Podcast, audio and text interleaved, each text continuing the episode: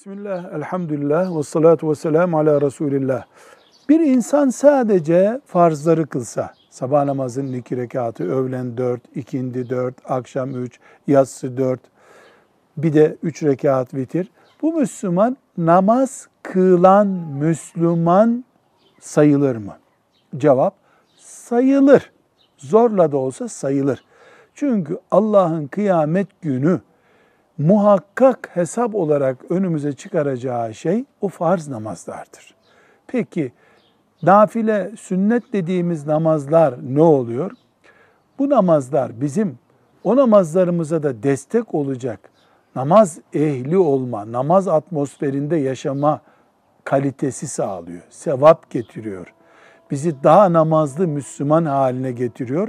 Ama farzları kılan namaz kılıyor sayılır kaybettiği dağlar gibi sevabına rağmen. Velhamdülillahi Rabbil Alemin.